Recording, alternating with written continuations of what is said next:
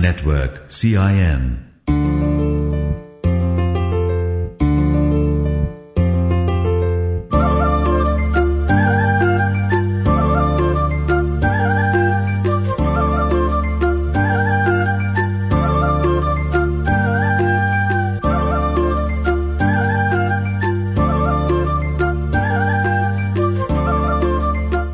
नमस्कार। कार्यक्रम जीवन रक्षामा तपाईँलाई हार्दिक स्वागत छ। म लील प्रकाश चन्द। आर्थिक सामाजिक शैक्षिक व्यावसायिक गतिविधि स्वास्थ्य र सावधानीका विषयमा हामी कार्यक्रम जीवन रक्षामा छलफल गर्छौं। सामुदायिक रेडियो प्रसारक संघ अकोराबद्वारा संचालित सीआईएनको प्रस्तुति यो कार्यक्रम जीवन रक्षा कार्यक्रम जीवन रक्षा सीआईएन मार्फत मुलुकभरका सामुदायिक radio website CIN Khabar dot com Facebook page CIN Khabar CIN Sajha Khabar mobile app सीआईएनबाट पनि तपाई सुनिरहनु भएको छ। आजको कार्यक्रम जीवन रक्षामा हामी केही दिन अघि मात्रै सार्वजनिक भएको कक्षा बाह्रको परीक्षाको नतिजाको विश्लेषण गर्छौं। नतिजामा देखिएको कमजोरी यसले विद्यार्थीमा पर्ने प्रभाव र अभिभावक शिक्षक लगायत सरकारवाला निकायको आगामी दिनको लागि भूमिकाको बारेमा हामी कार्यक्रममा छलफल गर्छौं। यस बारेमा तपाईँका कुनै प्रश्न वा विचार भएमा हामीलाई अहिले नै शून्य एक बान्न साठी छ सय एकसठी शून्य एक बान्न साठी छ सय एकसठीमा अहिले नै तपाईँले फोन गर्नुहोला। तपाईँले कार्यक्रम जीवन रक्षा हाम्रो फेसबुक पेज सीआईएन खबरबाट सुन्दै हुनुहुन्छ भने त्यहाँ पनि कमेन्ट गर्नुभयो भने हामी तपाईँका जिज्ञासा सम्बोधनको प्रयास गर्नेछौं। तीन दिन अघि सार्वजनिक भएको कक्षा बाह्रको नतिजा अनुसार बाहन्न प्रतिशत अर्थात एक लाख अठासी हजार चार सय दसजना विद्यार्थी उच्च शिक्षा पढ्नबाट वञ्चित हुने स्थिति देखिएको छ। साढे सन्ताउन्न हजार विद्यार्थीले भने अर्को वर्ष पुनः कक्षा बाह्रको सबै विषयको परीक्षा दिनुपर्नेछ। राष्ट्रिय परीक्षा बोर्डले सार्वजनिक गरेको नतिजा अनुसार अंग्रेजी सामाजिक नेपाली व्यावसायिक शिक्षा विषयको नतिजा चिन्ताजनक देखिएको छ। यस्तो अवस्थामा कसरी आयो र आगामी दिनमा हामीले सुधार गर्नुपर्ने कुराहरू के छन्? त्यस बारेमा आजको कार्यक्रम जीवन रक्षामा छलफल गर्दैछौ। शुरूमा हामी सुर्खेतको जनज्योति माविका प्रधानाध्यापक नारायण सिगदेल सम्पर्कमा हुनेछौ उहाँसँग कुराकानी गरौं। सिगदेलजी स्वागत छ कार्यक्रम जीवन रक्षामा यहाँलाई धन्यवाद नमस्कार यो जुन नतिजा सार्वजनिक भयो त्यो नतिजालाई यहाँको विद्यालयसँग लगेर जोडौं न कस्तो यसलाई तुलना गर्दाखेरि के देखिन्छ के भेटिन्छ त्यहीबाट अगाडि बढौं।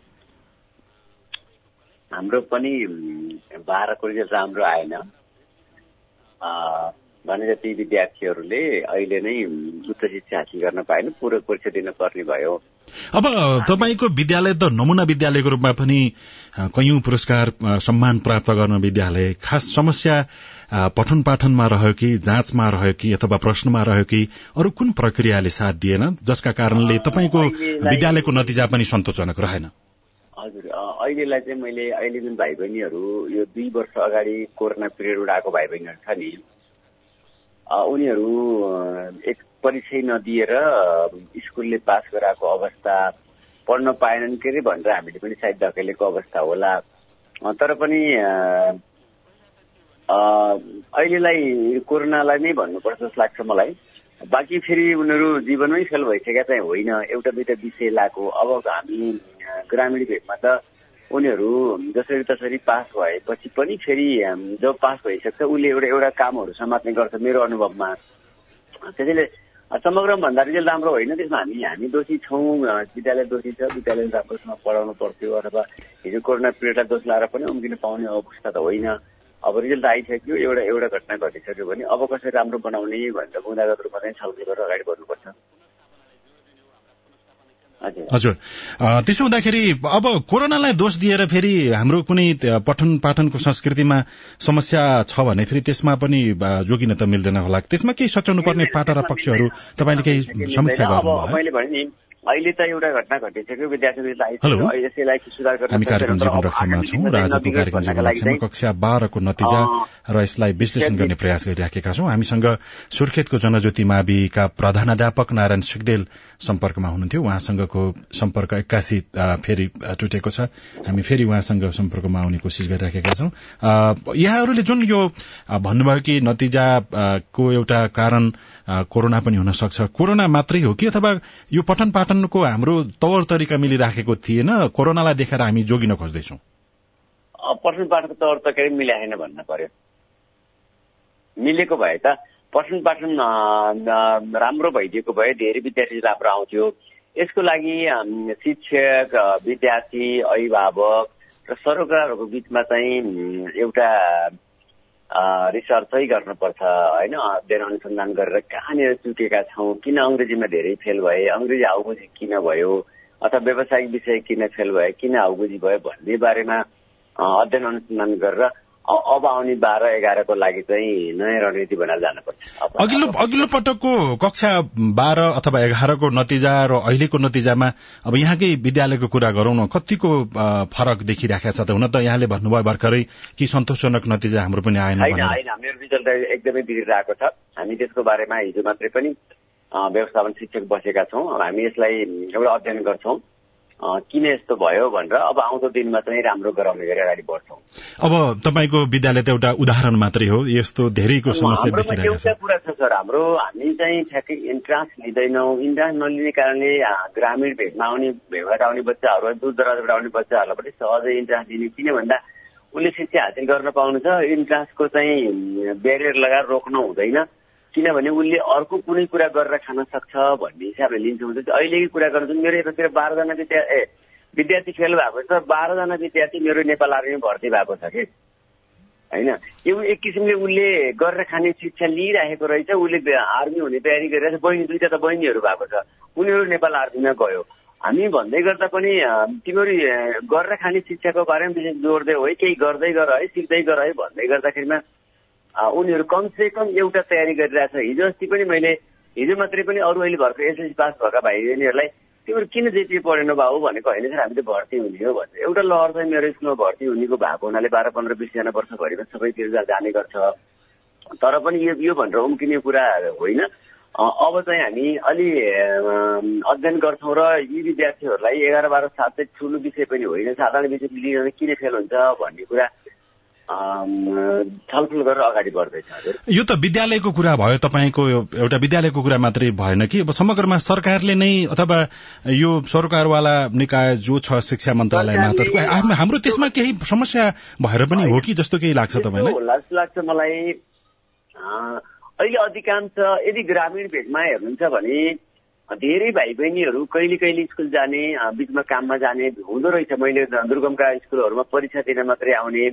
अनि अरू अरू ठाउँमा काम गर्न जाने पनि एउटा परिपाटीको विद्यार्थीहरूले एघार बाह्र पढ्दो रहेछ। त्यसको बारेमा पनि अध्ययन गर्नुपर्छ। त्यसैले पनि उसलाई स्कुल हाताभित्रै केही न केही गर्ने गराउने पढ्दै कमाउँदै कामहरू ल्याउनुपर्छ भन्ने एउटा अहिले सबैतिरले मन पराएको कार्यक्रम छ।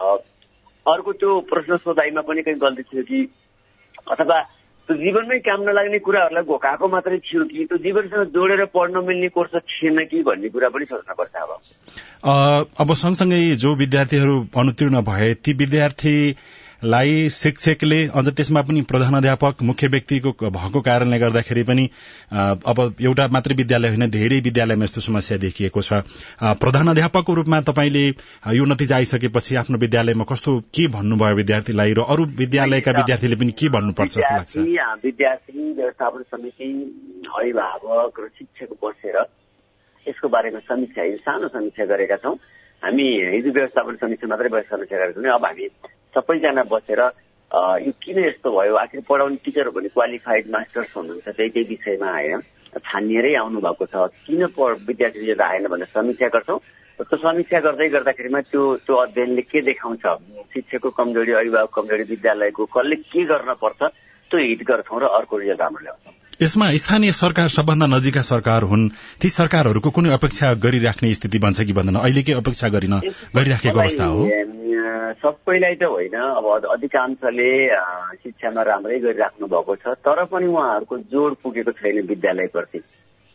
त्यो जोड भनेको पैसाको जोड हो कि समयको जोड हो कि अथवा व्यवस्थापनमा पनि चासो अहिलेको पालिकाको अहिलेको स्थानीय सरकारको मैले फेरि पनि सबैलाई भनिरहेको छैन धेरैको मैले साह्रै ठुलो चिन्तनहरू पनि भेटाएको छु भने धेरैजनाको त्यता सोच्ने फुर्सदै छैन। उहाँहरूलाई एउटा त पुरानो टिम गयो नयाँ टिम आएको छ नयाँ टिम भर्खर भित्र प्रवेश गरेको छ आफ्नो के महत्वाकांक्षाहरू लिएर आएको छ मैले पहिला विद्यालयमै हिट गर्नुपर्छ विद्यालयको स्तर सुधार्नुपर्छ भनेर लागेका पालिकाहरू बहुतै कम भेटाएको अब अन्त्यमा तपाईँले यो कुरा बताउनु पर्यो कि स्थानीय सरकारहरूलाई यो जुन माध्यमिक तहसम्मको पठन पाठनको अधिकार दिएको छ तर देखिएको समस्या के हो भने राजनीतिक दलहरूको भागभण्डा अथवा मिलिमतोका कारणले गर्दाखेरि शिक्षक राख्दाखेरि जुन भागभण्डा गर्ने परिपाटी छ र यसले दक्ष शिक्षक विद्यालयमा नपुग्दाखेरिको अहिलेको त्यो असरको रूपमा कहीँ न कहीँ हामीले भन्न सक्छौँ कि सक्दैनौँ। एउटा त त्यो सयमा सय त्यो हो एउटा होइन? तर फेरि पनि सबैलाई होइन होइन? सबैलाई होइन। अधिकांशलाई त्यो हो। दोस्रो कुरो स्थानीय सरकारले के ध्यान दिनु पर्यो भन्दाखेरि कक्षा कोठामा कतिजना विद्यार्थी छन्? त्यो कक्षामा अनि त्यो कक्षामा कतिजना शिक्षकले पढाइराख्नु भएको छ? अहिले कहीँ सय डेढ सय एक सय पचास त्यस्तो विद्यार्थी पढाएको पनि मैले देख्छु। वास्तवमा सयजना भन्दा बढी विद्यार्थी पढाउने हो त तिस चालिसजना पढाउने होला नि त। त्यो कुरा त उहाँले हार्ड एन्ड फास्ट ट्र्याकबाट चाहिँ शिक्षाको व्यवस्था गरेर त्यो त्यो त्यो त्यो क्षेत्रमा तोकिएको विद्यार्थी सङ्ख्याको आधारमा विद्यार्थी पठाउनु पढाउनु पर्थ्यो होइन। त्यसो नगर्दाखेरिमा ठुलो सङ्ख्यामा एउटै कक्षा कोठामा राखेर विद्यार्थी पढाउँदाखेरिको पनि यो नतिजा हो एउटा। यसलाई सुधार गर्नको लागि स्थानीय सरकारहरूले पनि जोड गर्नुपर्छ भन्ने यहाँको मान्यता। होइन जसरी अरू क्षेत्रको लागि हेरिन्छ नि त्यसरी कक्षा कोठामा पनि हेर्न जरुरी छ। मैले योभन्दा अगाडि पनि हजुरहरूकै कार्यक्रममा एकपालि बोलेको थिएँ। एउटा कक्षा कोठामा असी नब्बे सयजना विद्यार्थीहरूलाई राखेर शिक्षकले शिक्षण गरिराखेको हुन्छ। त्यहाँ विद्यालय निरीक्षणको अथवा हेर्ने नाममा चाहिँ पालिका अध्यक्ष दिनी अनि शिक्षा जिल्लाको शिक्षा क्षेत्रको मन्त्रालयको मन्त्रीज्यू स्वयमै आउँदाखेरिमा पनि ल न यहाँ त यत्रो सयजना विद्यार्थीलाई एकै ठाउँ पढाउनु भएको रहेछ। र तुरन्तै यहाँ दुईवटा शिक्षक थपिदिनु पर्यो अथवा कक्षा कोठा थपिदिनु पर्यो भन्ने टाइपको हार्ड एन्ड फास्टको निर्देशन दिन जबसम्म सकिँदैन नि। र व्यवस्था गर्न सकिँदैन। त्यसलाई वर्षौँ पर्खिनु पर्छ भनेपछि त्यो त्यो विद्यार्थीहरूको जीवनमाथि खेलवाड भइरहेको हुन्छ हस् संवादको लागि र समयको लागि यहाँलाई धेरै धेरै धन्यवाद छ। आगामी दिनमा फेरि यहाँहरूले त्यस्तो प्रकारको अभ्यास गर्नुहुनेछ र नतिजा सुधार भइसकेको अवस्थामा एउटा उदाहरणीय विद्यालयको रूपमा हामी फेरि कुराकानी गर्नेछौं र अरू देशभरमा रहेका विद्यालयहरूले पनि नतिजालाई स्वीकार गर्दै र थप छच्याउनु पर्ने कुरामा जोड़ दिनेछन् भन्ने अपेक्षा गर्दछौ। धेरै धन्यवाद छ यहाँलाई। सुर्खेतको जनज्योति माविका प्रधानाध्यापक नारायण सिगदेल हुनुहुन्थ्यो। पछिल्लो समय तीन दिन अघिको कक्षा बाह्रको नतिजाका कारण देशैभरका विद्यालयहरू सन्तुष्ट नरहेको प्राय जस्तो स्थिति देखिएको छ। यद्यपि कुनै कुनै विद्यालयहरूले राम्रो नतिजा हासिल गरेका छन्। र अहिलेको स्थितिमा बाहन्न प्रतिशत झण्डै झण्डै एक लाख अठासी हजार चार सय दसजना विद्यार्थी उच्च शिक्षाबाट पढ्नबाट वञ्चित हुने स्थिति देखिएको भनेर विश्लेषण भइराखेको छ। कक्षा बाह्रको यो पछिल्लो नतिजाले भने साढे सन्ताउन्न हजार विद्यार्थीले भने अर्को वर्ष पुनः कक्षा बाह्रको सबै विषयको परीक्षा दिनुपर्नेछ। पठन पाठन र यसलाई मनोवैज्ञानिक रूपमा अझ कसरी बलियो बनाएर लैजान सकिन्छ भन्ने बारेमा कुराकानी गर्नको लागि हामीसँग विद्यालय मनोविद मधुविलास खनाल अहिले टेलिफोन सम्पर्कमा हुनुहुन्छ। खनालजी स्वागत छ कार्यक्रम जीवन रक्षा यहाँलाई। धन्यवाद यो जुन कक्षा बाह्रको नतिजा आयो त्यो नतिजासँगै जोडेर भन्दाखेरि विशेष गरी पठन पाठनको वातावरण र विद्यार्थीको मनोभावनाले कतिको यो नतिजालाई प्रभाव पार्ने गर्छ? अध्ययनहरूले के भन्छन् तपाईँहरूको अभ्यासमा के भइराखेको छ? त्यसबारेमा जानकारी दिँदै अगाडि बढौँ। धन्यवाद। यो वास्तवमा चाहिँ अहिलेको सन्दर्भमा मात्रै नभएर त्यो एसईको परीक्षापछि अथवा कुनै पनि बालबालिकाहरूको एउटा क्वालिटी लर्निङको सन्दर्भमा चाहिँ बालबालिकाको मनोविज्ञानलाई हेर्ने हो भने विशेष गरी बालबालिकाले स्ट्रेसमा तनावमा करमा डरमा सिक्न सक्दैनन् भन्ने कुरालाई मनन गर्नुपर्ने देखिन्छ। खनालजी एकैछिन यहाँलाई रोकेर कोही श्रोता सम्पर्कमा हुनुहुन्छ? उहाँको प्रश्न अथवा विचार के छ? छोटकरीमा म उहाँलाई लिइहाल्छु। हेलो? सर नमस्कार। हजुर नमस्कार। हजुर कहाँदेखि को बोल्दै हुनुहुन्छ? छोटो परिचय सहित तपाईँको के छ राख्नुहोस्? बागलुङ बुट्टीबाङदेखि कृष्ण आचार्य बोल्दैछु। हजुर। हाम्रो यो बाह्रको जुन विषयहरू लाग्यो एउटा दुइटा विषय।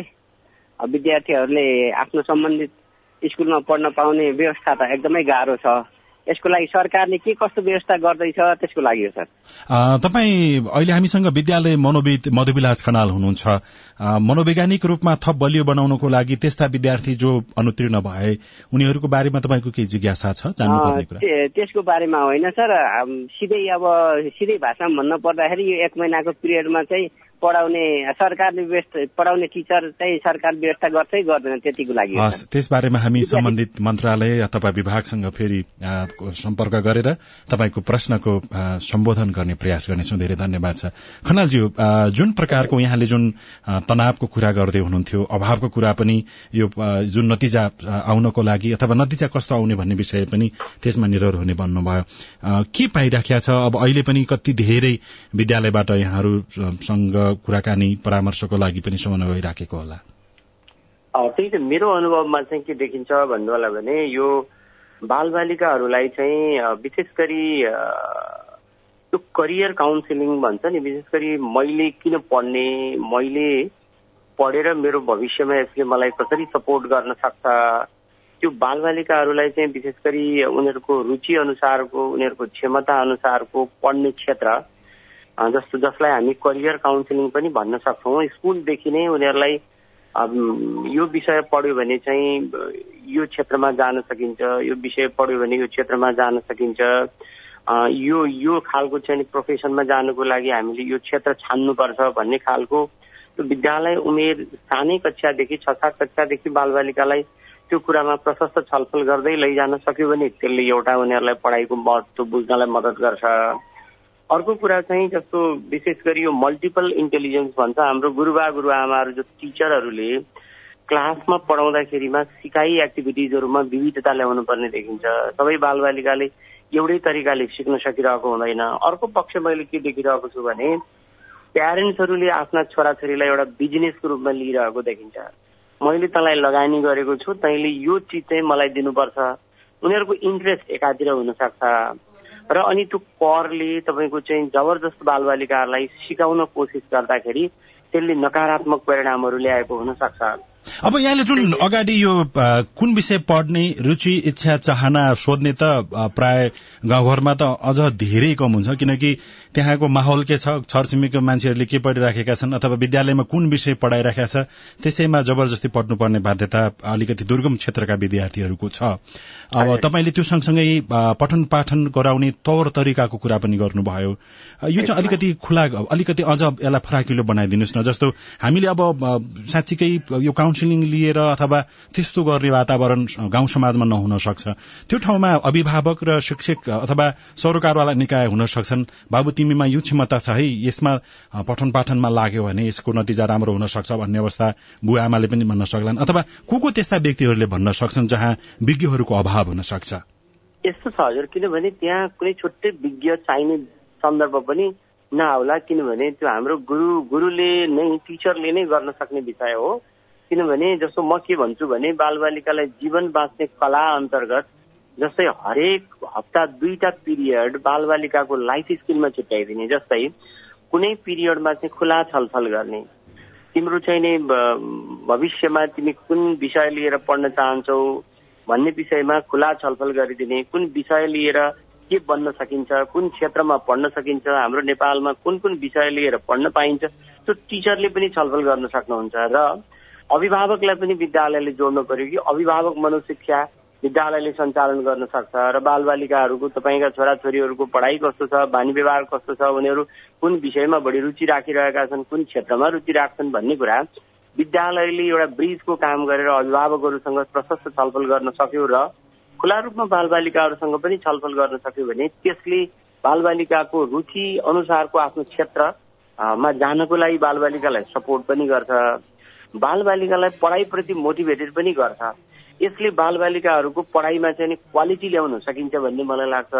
र त्यो काउन्सिलिङ भनेको चाहिँ बालबालिकाहरूमा जस्तो खुला रूपमा छलफल गर्दाखेरि जीवन बाँच्ने कला लाइफ स्किलको बारेमा क्लासरुममा छलफल गर्दै गर्दा पनि कतिपय बालबालिकाहरूमा उनीहरूको बानी व्यवहार र पढाइमा सुधार आएन भने चाहिँ उनीहरूको मनको गुनासो सुन्ने।